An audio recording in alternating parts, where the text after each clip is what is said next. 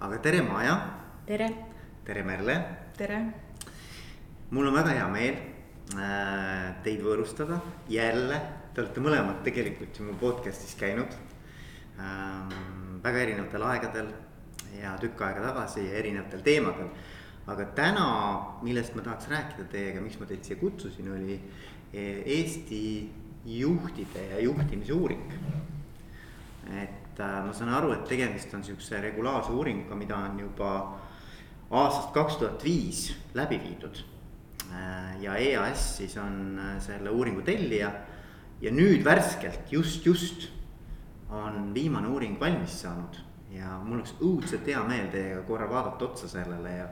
ja siis vaadata, et mis seisus siis tänane Eesti juhtimiskvaliteet on, vähemalt selle uuringu vaates, eks ju aga kuidas ma teid tutvustan, Maja, sina oled, eks ole, sina oled Tartu Ülikooli noh. ma mäletan, mina lugesin sinu artikleid siis, kui mina käisin psühholoogiat õppimas veel bakalaureuse ähm,. nii et, et selles mõttes sa oled ikkagi väga pikka aega selles valdkonnas toimetanud. jah, identiteet on seotud Tartu Ülikooliga, see osa on tõsi. ja, ja ka võib-olla, kui tulla tänase teema juurde, siis teist korda juhtimisuuringu juures. Esimene kord juhtus see kümme aastat tagasi, kui me saime võimaluse juhtimisuuringut teha. ja seda enam on tore, et nüüd kümne aasta pärast on va võimalik vaadata, mis, mis on muutunud ja, ja mis on jäänud. ja, ja väga äge, väga kihvt. ja Merle, kuidas ma sind tutvustan, sa oled äh, olnud selle uuringu siis äh, koostööpartner Level Labi kaudu. jaa et mina olen Level Labi tegevjuht, see on, Level Lab on uuringufirma ja me teeme erinevaid uuringuid nii erasektorile kui äh, avalikule sektorile. noh, personaliuuringuid, ärianalüüse, mõju hindamisi. Äh, meil on ka lai koostöövõrgustik, teeme siis äh, koostööd nii oma teiste konkurentidega, selles mõttes uuringufirmadega, aga ka öö, olenevalt siis uuringutest kaasame eksperte ja teeme koostööd ülikoolidega, et näiteks siis juhtimisvaldkonna uuringuga seoses teeme koostööd Tartu Ülikooli majandusteaduskonnaga. aga Majaga seob mind muidugi pikem side, et tema oli minu doktoritöö juhendaja kaks tuhat kaheksa alates vist kui ma mäletan õigesti, ja siis kaks tuhat viisteist sai see lõpetatud ja nüüd mul on väga hea meel temaga selle uuringu raames koostööd teha. aga kaks tuhat kümme, kui oli see juhtimisvaldkonna uuring, et siis ma olin ka seal väikses rollis andmekoguja. ja, ja. olid küll. jah väga äge, väga kihvt ja noh, mina, mina, mina olen ju, ma olen seda podcast'i, kui nüüd rääkida, et noh, kuhu see kõik konteksti kukub, eks ole. et siis seda podcast'i ma olen ju vedanud ka mingi viis pool aastat. ja, ja kokku on seal üle kahesaja kaheksakümne episoodi. ja, ja see läbiv niit või see punane niit, eks ole, mis neid kõiki episoode seob ja mis täna ka see küsimus on. et mida tähendab olla edukas juht nii et võib-olla me saame täna sellele küsimusele vähemalt selles kontekstis, mis täna Eesti juhtimine on, äh, ka vastuse anda. vot nii, aga ma tahaks siis alustada seda meie vestlust, eks me hakkame kuskilt kerima ja vaatame, kuhu me välja jõuame. ma tahaks alustada sellise küsimusega, et, et kõigepealt nagu tutvustada selle uuringu nagu tausta. et mis uuringuga tegemist on, mis see valim oli, mis metoodika, natukene, mitte liiga pikalt, aga natukene seda, seda uuringut tutvustada, mis see eesmärk oli ja, ja nii edasi. kes tahab alustada? Teen otsa lahti ja siis sa saad ju, juurde täiendada. et äh, uuringu eesmärk oli kaardistada, kuidas Eesti juhid töötavad või toimetavad ja mis on selles juhtimise tegevuses siis õnnestunud pooled ja mida võiks veel siis arendada, et põhiliselt me ikkagi tahtsime üles leida nii äh, sellised tõhusad praktikad ja võib-olla ka need kohad, mis on ebatõhusad, mida saaks muuta ja meie tellija, tunnustame oma tellijat EAS-i, sellepärast et tõepoolest me ei tea maailmas riiki, kus oleks tellitud üleriigiline juhtimisuuring yeah.. tõsi, Eesti on, Eesti mõõtmed on selleks ka sobivad, aga EAS on ka pingutanud, et see siiski nagu regulaarselt juhtuks. meie tellija andis siis meile üsna mitmekesise ülesande, et seal oli oma üle kahekümne punkti, mida me, mida nad kõik meilt ootasid. ja me siis vaatasime neid punkte ja arvasime, et üks selline suur telg, mille ümber kõik need, nende soovid nagu paigutada, on juhtimise funktsioonid, et kui vaadata nüüd teoreetiliselt, siis meie uurimus paikneb ümber juhtimise funktsioonide. me vaatame, kuidas on planeerimise, organiseerimise, mehitamise, kontrollimisega, seda tüüpi asjadega ja, ja siis sinna juurde tulevad mõned keskkonnaga seotud asjad ja siis erikogemus, erinevad kogemused sellest, mis on edukad ja mis on vähem edukad asjad. nii et, et üks telg on siis juhtimise funktsioonid. teine pool on, et kuidas me seda tegime. ja kui me räägime kõikehõlmavast vaatest, mida EAS soovis, siis kindlasti üks selline läbiv telg on selline küsitlusuuring või küsimus, küsitlusega uurimine ja siin Level Lab tegeb palju tööd ja võib-olla Merle pärast siin seda osa valgustab. aga me rääkis, aga meie käest oodati ka palju muud, et me kasut-, oleme uhked selle üle, et me kasutasime väga erinevaid tehn-, selliseid meetodeid. näiteks podcast'id ja Veiko, võib-olla üks sinugi podcast on, on sisendiks sellele, et rääkida, et millised on juhtimise tulevikutrendid siis äh, veel kasutasime eelnevate uuringute tulemusi üsna, äh, üsna tõhusalt, näiteks välisinvesteeringutega seotud ettevõtte, välisosalusega seotud ettevõtete analüüsimiseks. siis kasutasime intervjuusid, mis keegi oli eelnevalt juba kokku korjanud. Need, äh, nende põhjal me näiteks vaatasime seda, et mis takistab Eesti ettevõtete kasvu siis ettevõtte, haridusasutuste uurimine toimus hästi sügavalt, sügavuti, kui vaadati kõiki neid ainekavasid ja, ja programme, mida siis Eesti koolide, ülikoolides ja koolides õpetatakse. siis äh, veel äh, meie üks usin töögrupp äh, proovis suhelda teiste riikide esindajatega, et teada saada, et kuidas nende parimad praktikad on organiseeritud, et, et ka see ja, ja siis veel kasutasime veel mitmeid teiseseid andmeid võib-olla läheb enne päike looja, kui ma kõik andmeallikad üles loetlen, sellepärast ma peatuksin siin, aga, aga tahaksin kuulajat veenda, et, et äh, need allikad, mida me kasutasime, olid hästi mitmekesised. ja, ja.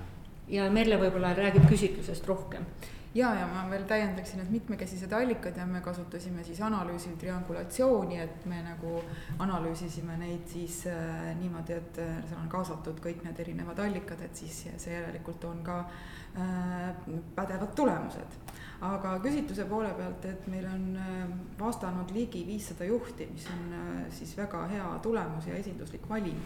ja, ja esindatud on seal nii väike kui suurettevõtted äh, erinevatest Eesti piirkondadest, erinevatelt tegevusaladelt era- ja avalikust sektorist, et, et see on esinduslik valim, mis, mis esindab hästi nagu Eesti ettevõtluskeskkonda. ja ütleme, et küsimused olid siis jah, strateegilisest juhtimisest, töötajate kaasamisest, rakendatavatest töövormidest, töötajate motiveerimisest, organisatsioonide arendamise valdkondade kohta, nagu ka Maja siin enne ütles.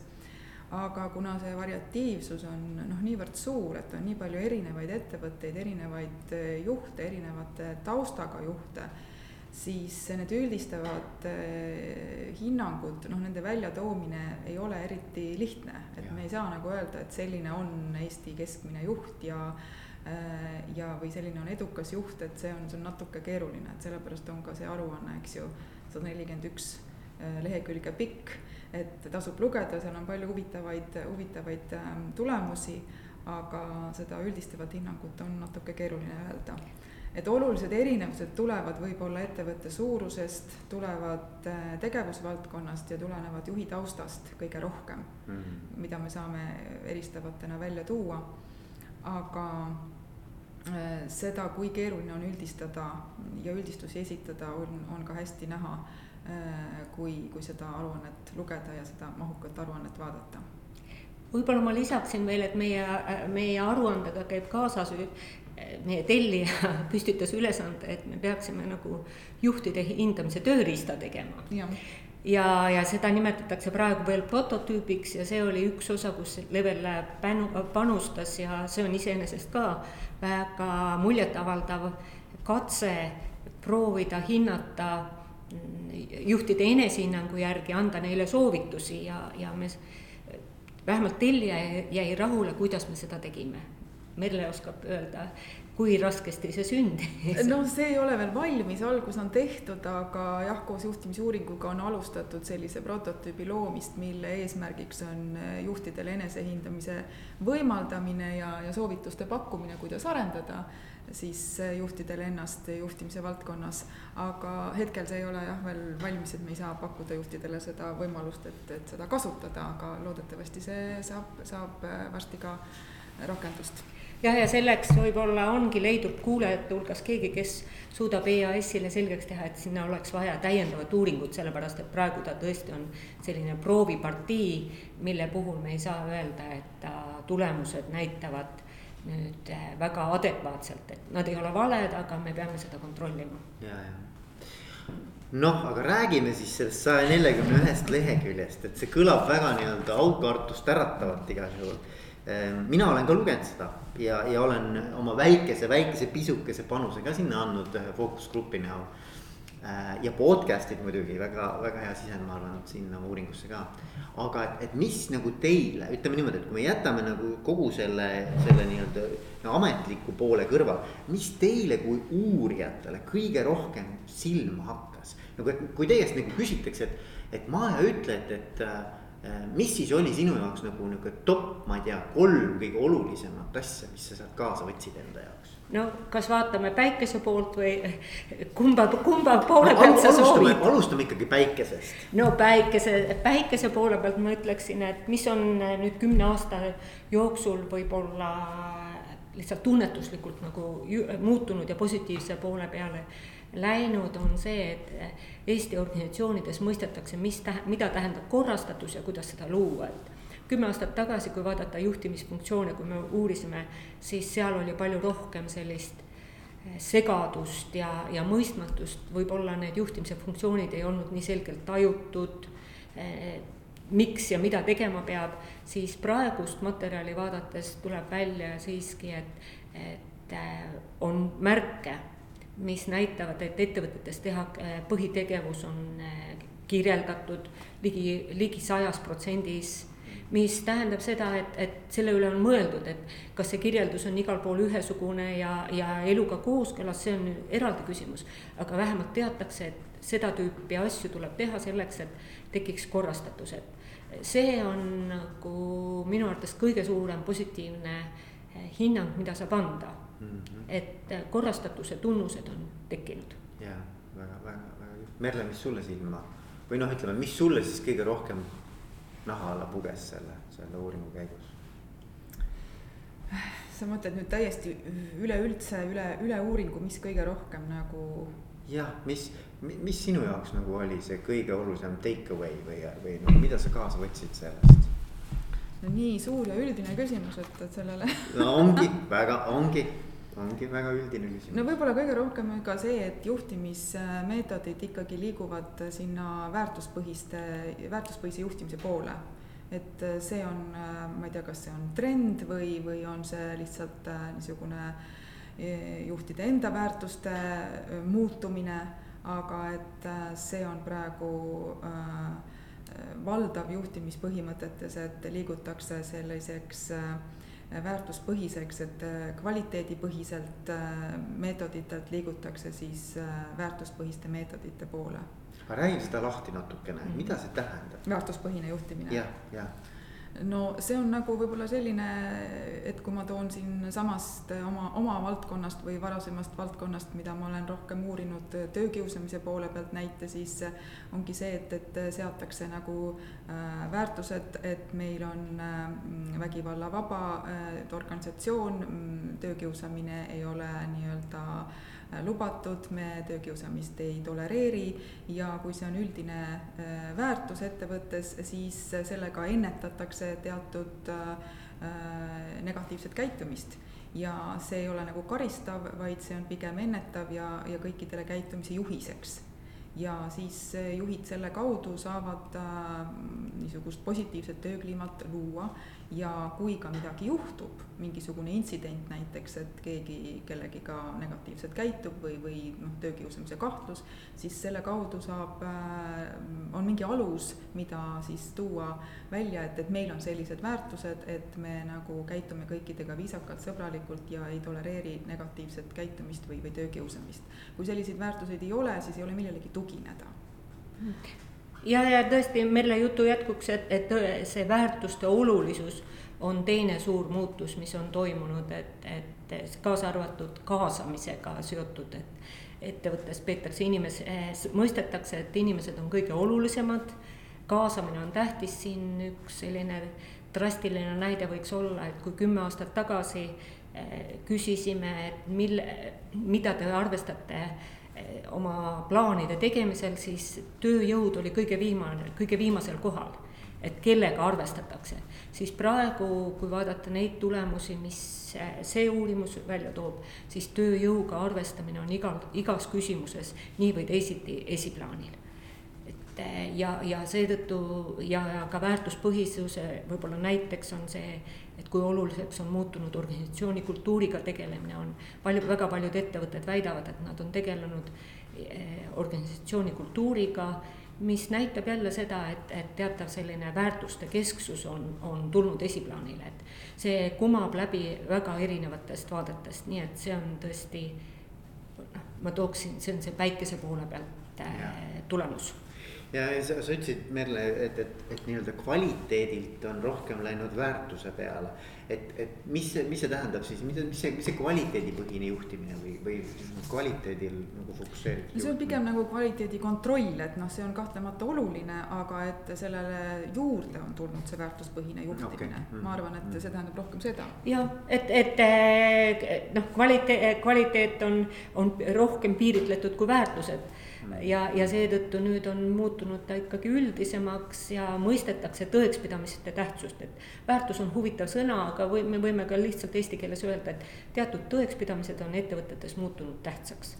Ja see on ka, ma arvan, suhteliselt äh, loogiline, sellepärast et äh, ütleme, töövõtja mõjuvõim on ju äh, järjest suurenenud ja kasvanud ja tasakaal on nihkunud selle poole, et töövõtja kasuks on see, on see nihkunud, mm. et, et üha rohkem teeb valiku töövõtja, mitte tööandja, et kuhu siis töötaja tööle läheb ja ja see on toonud kaasa niisugused uued, uued töölepingu vormid, tööampsud, projektipõhisuse, paindliku tööaja ja töötamise mitmes kohas paralleelselt ja nii edasi, et, et töövõtja noh, sõltumine tööandjast on väga palju vähenenud ja, ja selle tõttu, kui me mõtleme, noh, võib-olla see on ka seotud, eks ju, selle digirevolutsiooniga kümme kuni viisteist aastat tagasi, mis on alguse saanud ja, ja järjest nagu see protsess kestab ja me veel ei tea, kuhu see välja jõuab.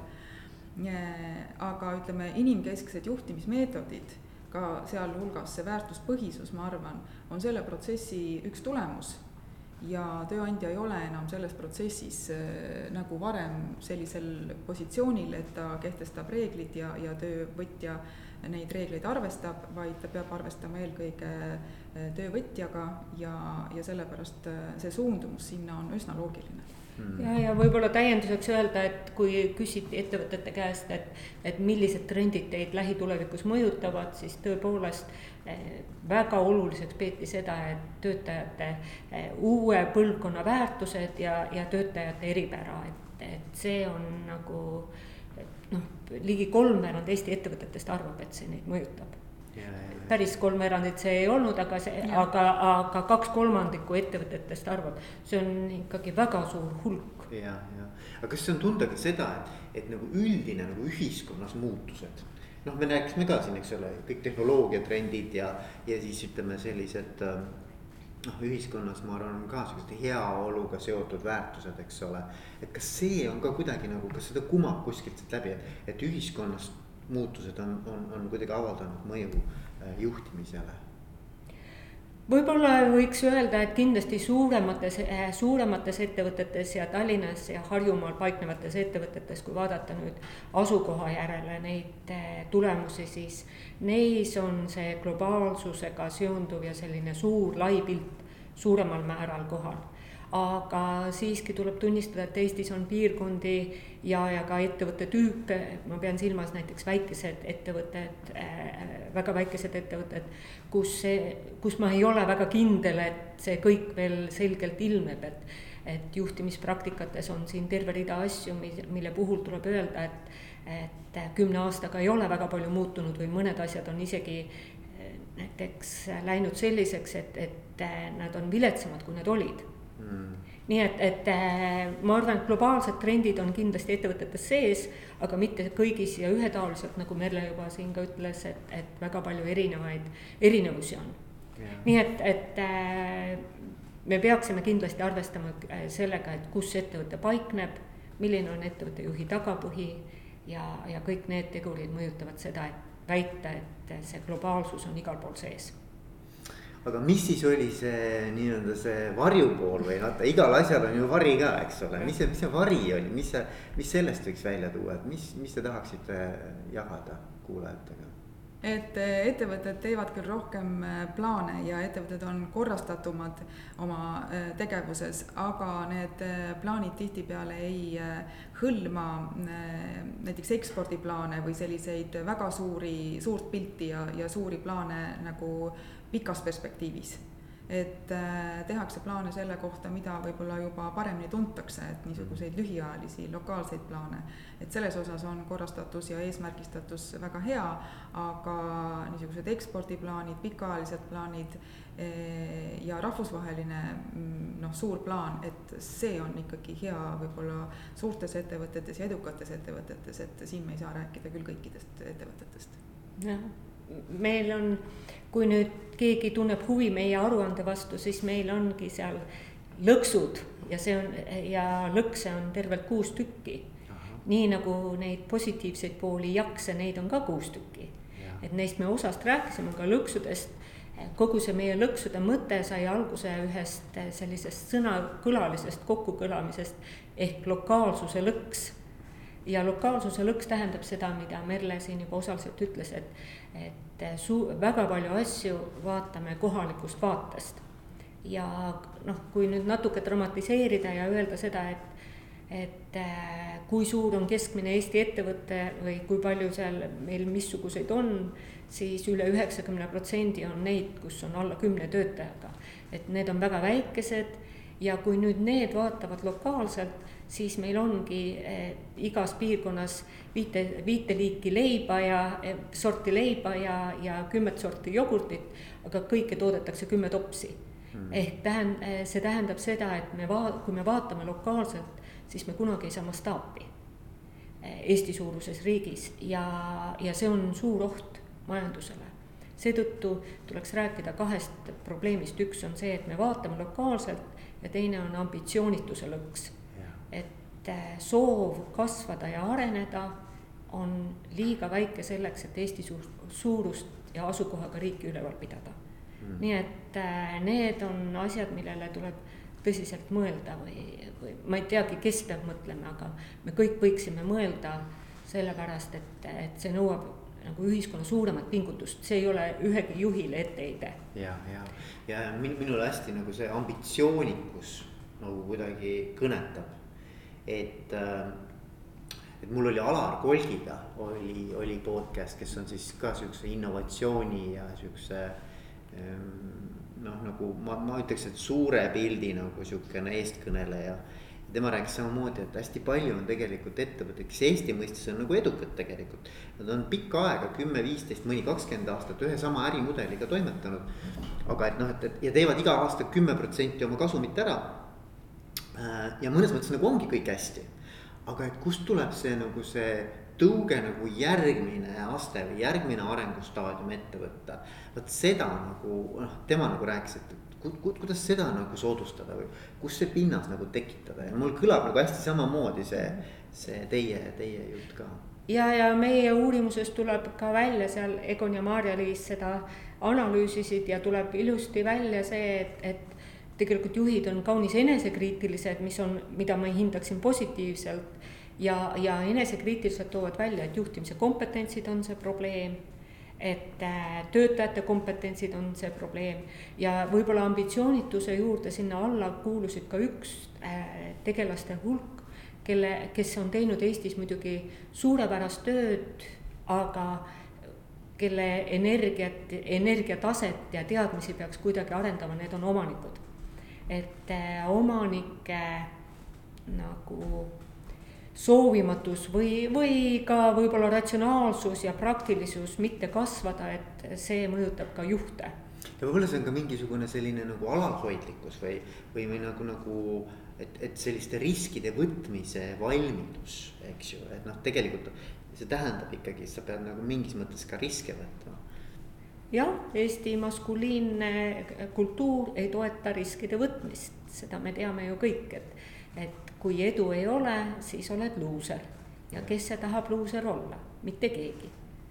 nii et jälle, see on kõigi meie kätes, et siin ei saa öelda, et, et see, mida me juhtimises näeme, et see oleks justkui ainult juhtide, juhtide otsustada, et juhtimine on selline nähtus, mis baseerub ikkagi laialt, nagu sa ka ütlesid, ühiskondlikele tõekspidamistele, kokkulepetele.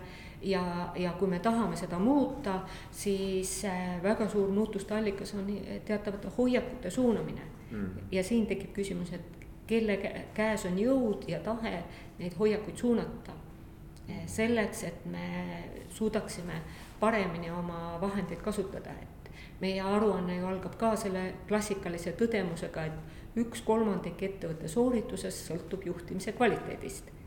ja, ja kui me seda usume siis me peaksime sellesse valdkonda ikkagi väga tugevalt panustama, sellepärast et kujutad ette, üks kolmandik, see ei ole mitte üks kümme protsenti kasumit, vaid üks kolmandik sooritusest. Jah, aga kui tulla nüüd veel võib-olla ühe selle lõksu juurde, mis on ka niisugune suhteline, et kas see on nüüd lõks või, või mis see on, aga igal juhul enamus juhtidest hindab, et nende jaoks on kõige äh, Äh, kasulikum arendusviis ikkagi praktiline iseõppimine, juhtimise äh, kogemus. et mitte nagu niivõrd võib-olla see mm, kas siis akadeemiline haridus või siis äh, mingisugused juhtimise kursused, vaid, vaid just nimelt praktiline juhtimiskogemus. et ma ei teagi, ma ei oskagi hinnata, et, et kas see on nüüd hea või halb, et eks siin on positiivseid või, või plusse ja miinuseid, aga igal juhul hinnatakse kogemust kõige väärtuslikumaks Merle, aga kas sina tead näiteks ütleme, toote või ettevõtte elutsükkel, et kas seda on võimalik kogu kogemuse põhjal õppida või kui palju peab olema aega, et kogemusega selgeks saaks, et mis see tähendab? üks elutsükkel läheb aega aga no ütleme, ma iseenda näitel võin, võin öelda küll, et ma olen juhtimist õppinud ülikoolis, ma olen seda õpetanud ülikoolis ma olen lugenud juhtimisraamatuid, aga noh, ütleme nüüd, kus ma olen eh, ettevõtte, väikse ettevõtte, aga ikkagi tegevjuht ja projektipõhiselt meeskondi juhin, siis kogemusega ma eh, saan sellele teooriale tähenduse. Mm. -hmm et, et selles mõttes kogemust ma väärtustan muidugi, aga noh, loomulikult see mm, teooria on ka väga-väga oluline, et mõlemad on tähtsad, aga, aga ütleme, teoreetiline juht ei saa olla. Et praktiline praktikas saad sa sellele teooriale ikkagi selle, selle tähenduse. miks ma küsisin just sellepärast, et on mingid asjad, mida, mida kogemusega on väga raske nagu üldistav, üldistavale tasemele leida, jõuda, et need annab sulle teooria ja tõepoolest tähenduse annab kogemus mm. -hmm. aga, aga mõnda asja ikkagi oma kogemusega välja ei mõtle mm. -hmm. ja see on, see on lõks ja,. jah, jah, sellega ma olen nõus, jah. minu, minu jaoks üldse nagu, kui ma mõtlen selle peale, et millal ja kas üldse keegi on mind nagu haridusteele õpetanud näiteks eesmärke seadma. mul ei ole mitte keegi mitte üheski, ma olen käinud igasuguseid koole läbi, aga mitte kunagi ei ole mulle õpetatud eesmärgistamist, mitte kunagi, mitte kuskil. et noh, näiteks sihuke, see on selline baasiline, eks ole, baasiline oskus tegelikult, eks, juhtimises. et, et selles mõttes ma arvan, et eks seal on nagu neid, neid niisuguseid nagu valdkondi, mida eh, ilmselt võib-olla sihuke nagu haridus ja aka, akadeemiline pool ei toeta nii palju, aga noh, teiselt poolt jällegi mina ütleks, et Eesti juhid on nagu ülekoolitatud. on minu nagu tunnetus koolitajana. tegelikult juhid on väga palju koolitusi saanud. Äh, aga nüüd küsimus on nagu see, et kas nad oskavad ka seda ja kas nad tahavad seda ellu viia. et võib-olla see on see koolituse nagu ma arvan, challenge on see, et, et kuidas sa nagu selle materjali sellisel moel edasi annad, mis tekitaks äh, soovi seda ja, ja, ja võimekust seda ka rakendada. ma arvan, võib-olla see. teadlikult siis. teadlikult rakendada seda jah aga jah, võib-olla see Veiko väljend peegeldab sellist pendli liikumise seadust, et, et kui me siin analüüsisime, siis tõesti oli üllatav, et, et juhtimismeetodeid, kui juhtimisvõtteid ja meetodeid kui selliseid rakendatakse tunduvalt vähem kui kümme aastat tagasi. Teadlikult. mis tähendab seda, et, et võib-olla on küllastumise punkt tekkinud nendest eh, Nad ei ole kõik moevoolude esindajad, aga teatavad sellised komplektid käitumismustreid, mida siis eh, koolitusfirmad õpetavad ja müüvad. et eh, ne-, neist on tekkinud küllastumised, see võib tõsi olla ja, ja seetõttu ollakse nende suhtes kriitilised ja see võib ka peegelduda meie uuringus, et, et neid on palju äh,, palju olnud ja teine pool võib-olla jälle liiga vähe olnud, sellepärast et meie uuring järgnes ju Covidi perioodile, kus seda tüüpi koolitusi jälle liiga palju ei olnud, et põhjusi võib olla erinevaid, aga, aga kindlasti on jõudnud see periood, kus, kus juhid, juhtide iseeneslik tarkus on, võib-olla nad tunnevad selle, sellest rohkem nagu rõõmu ja, ja vajadust, et, et seda ma küll ka mm. siin toetan aga muidugi, mida suurem ettevõte, seal äh, ka juhid äh, märkisid, et neil on olnud magistri- ja doktorikraadist kasu ja mis näitab, et suurtes ettevõtetes need juhtimispraktikad ja, ja juhtimisteooriad on ka võimalik rohkem neid rakendada, et väikeses ettevõttes võib-olla need juhtimispraktikad, no seal võib-olla ei olegi võimalust sul neid kasutada nii palju. jah mm selleks tulebki suureks saada. jah, tuleb, tuleb pingutada et, et sulle, aga üks, üks asi, mis ei tohiks kahe silma vahele jääda lõksuna, on, äh, on kontrollimise lõks see on selline hiiliv, et kui vaadata andmeid, siis, siis otse ei, peaaegu kusagilt ei tule välja, et, et me oleme liiga või juhtimine on liiga kontrollikeskne. aga kui hakata siin erinevaid selliseid kihte niimoodi koorima, siis kõige selgemalt tuleb see välja muidugi eh, välisosalusega ettevõtete juures, kus on eh, juhtide võimalus kontrollida protsesse viimase eh, ütleme viieteist aasta jooksul märkimisväärselt vähenenud. mis on kurbloolisus ja, ja millest peaks keegi järeldused tegema, et miks, et kas see on usalduse puudus või on seal midagi muud. aga see tähendab seda, et targad Eesti juhid reeglina välisettevõtted valivad, saavad valida töötajad, nad valivad väga head juhid endale sinna. ja need targad Eesti juhid, nad satuvad siis sellisesse keskkonda, kus neil mitte midagi eriti teha ei ole et nad ei saa väga palju otsustada, et see, see, see on demotiveeriv ja, ja ressurssi raiskav. aga ka nendes, mis nendes meie küsitluses osalenud ettevõtetes tuli välja, et noh, üks selline kurioosne minu jaoks fakt oli, et plaane tehakse pigem selleks, et kontrollida, kui, kui selleks, et näiteks motiveerida mm. ja ütleme, juhtimise tõekspidamised olid seotud juhtimise tõekspidamised iseenesest olid eh, plaanidega, eh, plaanide puhul kontrolliga rohkem seotud kui motivatsiooniga. mis tähendab seda, et, et eh, meil on kusagil vajadus ikkagi kontrollida.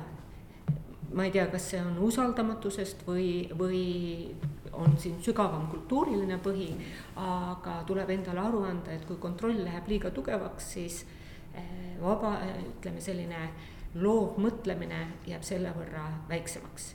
ja, ja just nimelt selline iseotsustamine jääb väiksemaks. nii et, et sellest tuleks ka ausalt rääkida, et kas kontrolli on liiga palju või on parajalt hmm.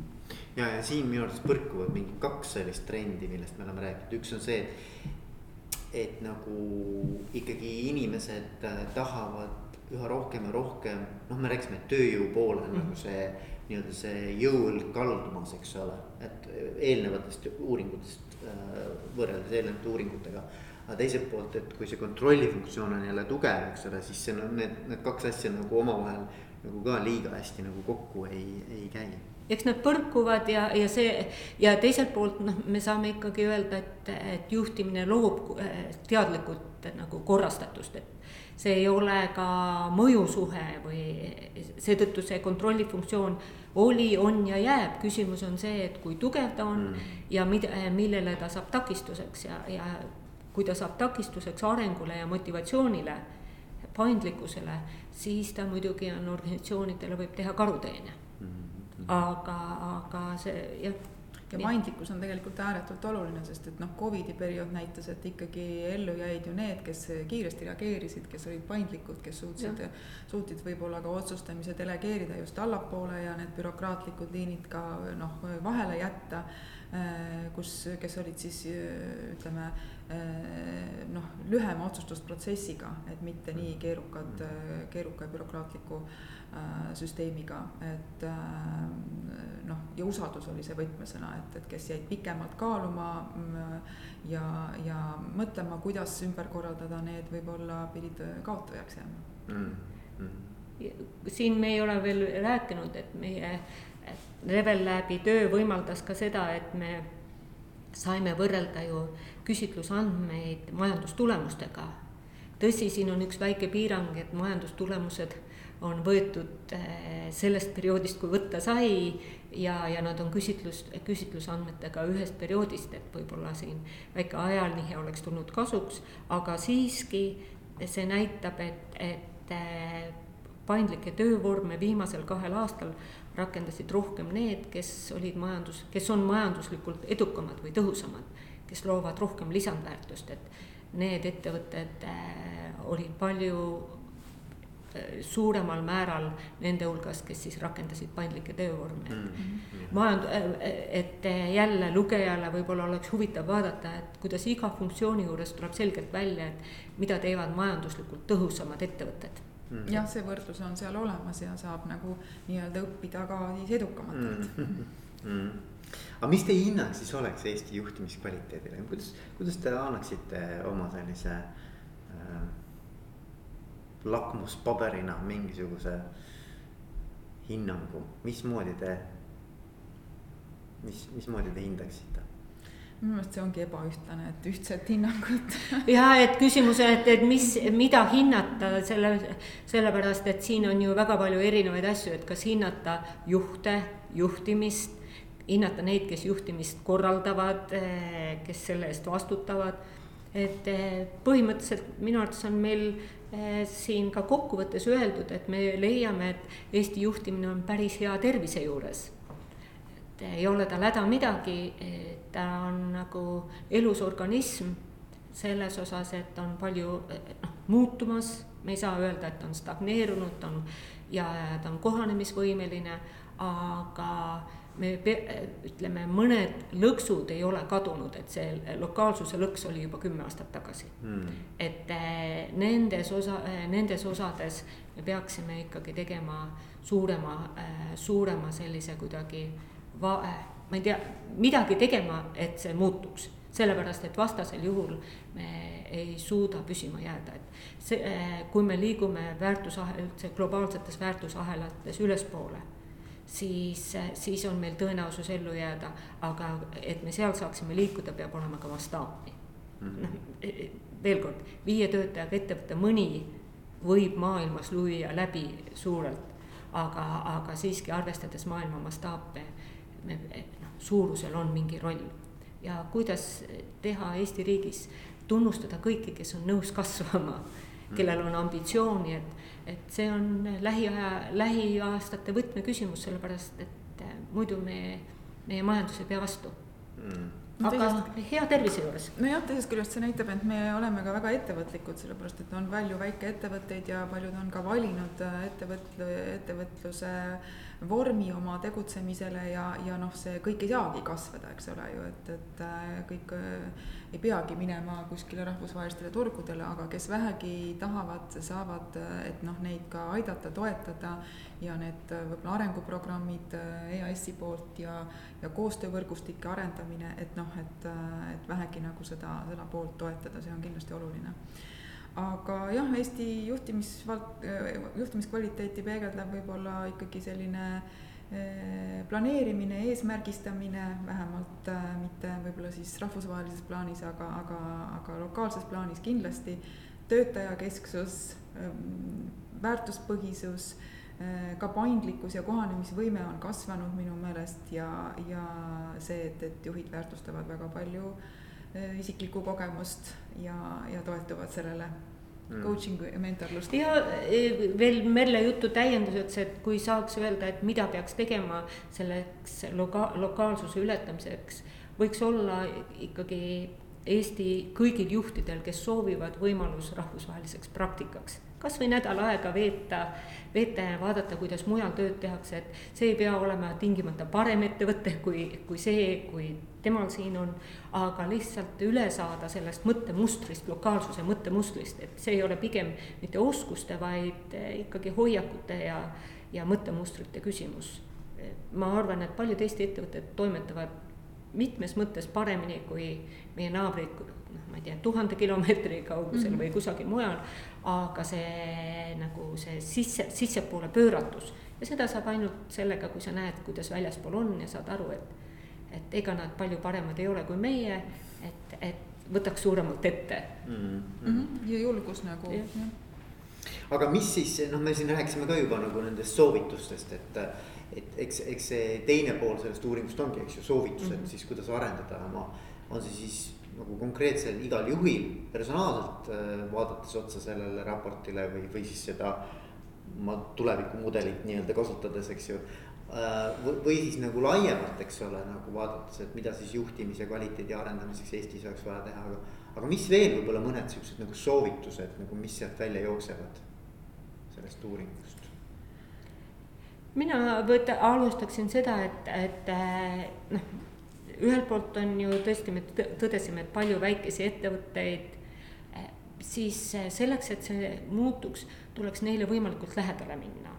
üks meie soovitustest oli detsentraliseerimine ja sellise tähelepanu detsentraliseerimine, et maakondlikele arenduskeskustele, võib-olla valdadele, et kus need väikesed ettevõtted asuvad, et anda neile rohkem voli ja, ja ka võib-olla kohustust tegeleda nendega niimoodi, et need ettevõtted tunneksid, et neid väärtustatakse, et meil tõsi, tuuakse välja ju neid parimaid eh, mitmes, mitmes võtmes, aga selleks, et osutuda seal valituks, sa pead kõigepealt ise väga palju pingutama, et sinna üldse kandideerida ja paljud ettevõtted selle, noh, see, selle läbi tähelepanu ei leia.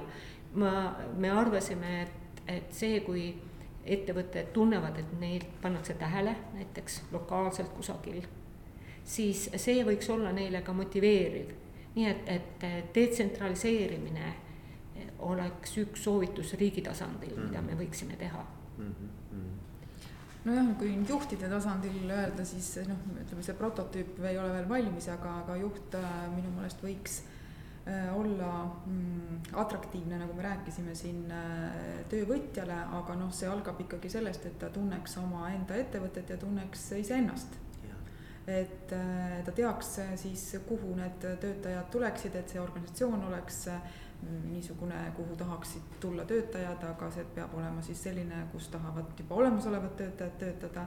ja, ja et missugune juht ta on, et kuidas töötajad tajuvad teda ennast et üks osa sellest ongi siis juhil iseendast ja oma organisatsioonist teadlik olemine, et erinevate uuringute kaudu Äh, läbi suhtlemise, töötajate vajaduste rahulolu teadvustamise, siin kolmsada kuuskümmend kraadi äh, uuringud, töötajate rahulolu uuringud ja nii edasi, et, et ta oleks iseendast ja oma organisatsioonist piisavalt hästi äh, nii palju kui võimalik teadlik, et sellest minu meelest algab, algab asi mm,. sihuke eneseteadlik. ja, ja, ja noh, kui rääkida kõrgkoolidest või haridussüsteemist, siis võiks ka öelda, et, et kõrgkoolid me võiksime endale vaadata enda sisse natukene kriitiliselt, et kuidas me suudame pakkuda seda, mis meil on niimoodi, et. et see juhtimisse panustaks, aga teiselt poolt ka, et ettevõtted sooviksid kõrgkoolidega või koolidega äh,, haridusasutustega koostööd teha, et. et siin on ka päris palju parandamise kohti, et, et haridusasutustes on teadmist, teadmisi, mida võiks rohkem rakendada. ja, ja teiselt poolt äh, haridusasutused vajaksid seda teadmist, mis juhtidel on, et et äh, siin koostöö võiks olla haridusasutuste ja ettevõtete vahel, aga teiselt poolt ka äh, erinevad ministeeriumid võiksid omavahel äh, natuke rohkem kokku saada ja arutada, et kes siis juhtimise eest vastutab, et me siin ühes fookusgrupis dramaatiliselt küsisime, et kes vastutab Eesti juhtimise eest. ja, ja see pall kukkus maha, keegi ei tahtnud öelda, et mina vastutan. Keegi ei vastuta selle arendamise eest, kuigi nagu ma ütlesin, üks kolmandik sooritusest.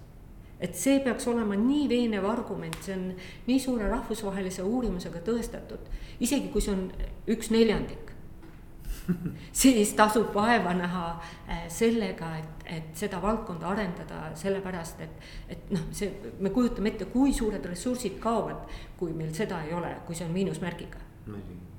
Nii et, et ministeeriumid võiksid omavahel äh, arutada, et, et äh, kes meist siis nüüd sellel korral aitab kaasa. Ja haridussüsteemis ja muidugi minu arvates võiks riigis mõelda seda, et kuidas kujundada hoiakuid. Et vahel on suhtumine juhtidesse siiski selline, mis ei nagu ei kutsu juhi rolli võtma, et ei saa öelda, et kõik inimesed hästi positiivselt alati ütleksid, et juhid on tublid ja toredad ja targad. Et see on äh, selline arusaam, et kui raske see töö on ja, ja kui väärtuslik ja väärikas see töö on, et seda saab kujundada ikkagi ka poliitikate kaudu mm. -hmm. et äh, ma kutsuksin ka riigi esindajaid vaatama seda, et kuidas sellele rollile anda suurem tähendus või vä-, väärikus. niimoodi, et, et äh, lapsed kodus mõistaksid, et kui nende isa või ema töötab juhina, kui rasket tööd ta tegelikult teeb ja, ja annaksid rollis mõned asjad siis juurde talle sellega.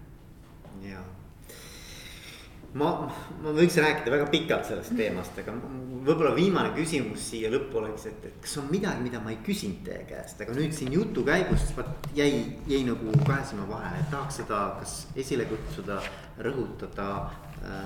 midagi veel jätta, millegiga jätta meie kuulajad, mis, mis veel olulist millest me vähe rääkisime, aga mida aruandes kindlasti palju on see, et, et äh, kuidas arendatakse või mille, kus tekib arengumotivatsioon, milliseid arenguvõtteid kasutatakse.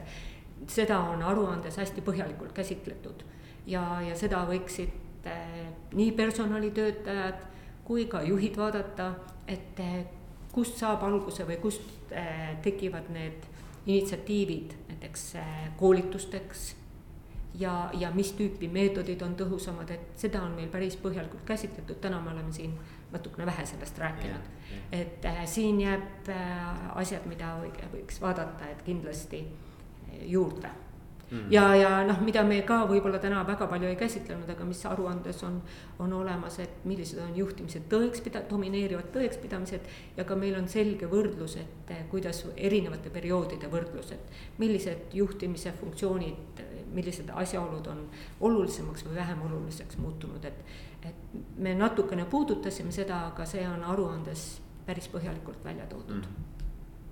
Merle, mis sa no seal aruandes on jah veel palju asju, nii et ma soovitan kõigil seda lugeda, seda aruannet, sealt kindlasti kõik leiavad midagi niisugust, mis on nende jaoks huvitav ja kasulik. et äh, aga kokkuvõttes jah, minu, minu jaoks äh, juht, juhil tasub olla uudishimulik ja uuendusmeelne, siis ta kindlasti on Äh, edumeelne ja, ja tal läheb hästi mm.. üks asi veel, mida, mille, mida meil on aruandes natukene ja mida me ei käsitlenud, aga mis võiks peaaegu igaühte huvitada, kes on kõrgkooli lõpetanud meil on aeg-ajalt ja mõne teema juures välja toodud, et mille poolest erinevad ühe, enne üheksakümnendaid lõpetanud, üheksakümnendatel ülikooli lõpeta-, kõrghariduse omandanud. siis järgmine, neljal kümnendil praktiliselt kõrgkooli omandanud, et mille, mille poolest nende vaated erinevad, et isegi siis, kui keegi ei ole praegu juht, siis ta näeb, kui, kuidas põlvkonnad siiski kannavad erinevaid vaateid, et ka see on meie aruandes olemas mm.. no lisaks põlvkondadele ju ka see, et millise ülikooli üleüldse on juht lõpetanud ja, ja ka see mõjutab tegelikult juhi äh, tausta ja. seostub sellega vähemalt. seostub äh, juhtimispõhimõtted või printsiibid või tööriistad, mida ta kasutab või missugune juht temast võib tulla, et see, see on ka huvitav tegelikult.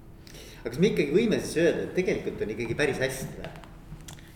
Sa pressid selle arvamuse välja. ma ei pressi, ma küsin.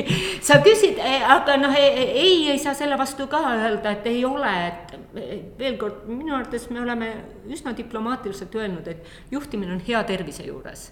see on väga hea pealkiri sellele podcast'ile ka. aga ma tänan teid, Merle ja Maja ähm, ma tänan teid. aitäh sulle kutsumast. aitäh kutsumast ja osalemast juhtimisuuringus. Et äh, sinu panus on ka mitmekihiline, nagu te, nagu me sissejuhatuses oleme öelnud, üle tuhande inimese on avaldanud arvamust, et ja. me saame pidada seda ikkagi väga suureks hulgaks inimestest, kes saavad üldse avaldada, et see baseerub, nii et kõik, kes natukenegi on siia panustanud, et aitäh teile selle suure panuse eest, et ilma selleta ei oleks seda kokku pannud. ja kui järgmine juhtimisuuring tuleb, tuleb kindlasti, kindlasti tuleb ja loomulikult tuleb. siis tuleb konkurss ja, ja see, kes võidab, see teeb järgmise. ja, ja siis tulevad tulemused, eks ole, tulemused, milles on selgelt näha jälle mingisugust edasiliikumist. loodame kindlasti, loomulikult. vot, aga ma tänan teid ja, ja järgmiste jutuajamisteni. ja aitäh sulle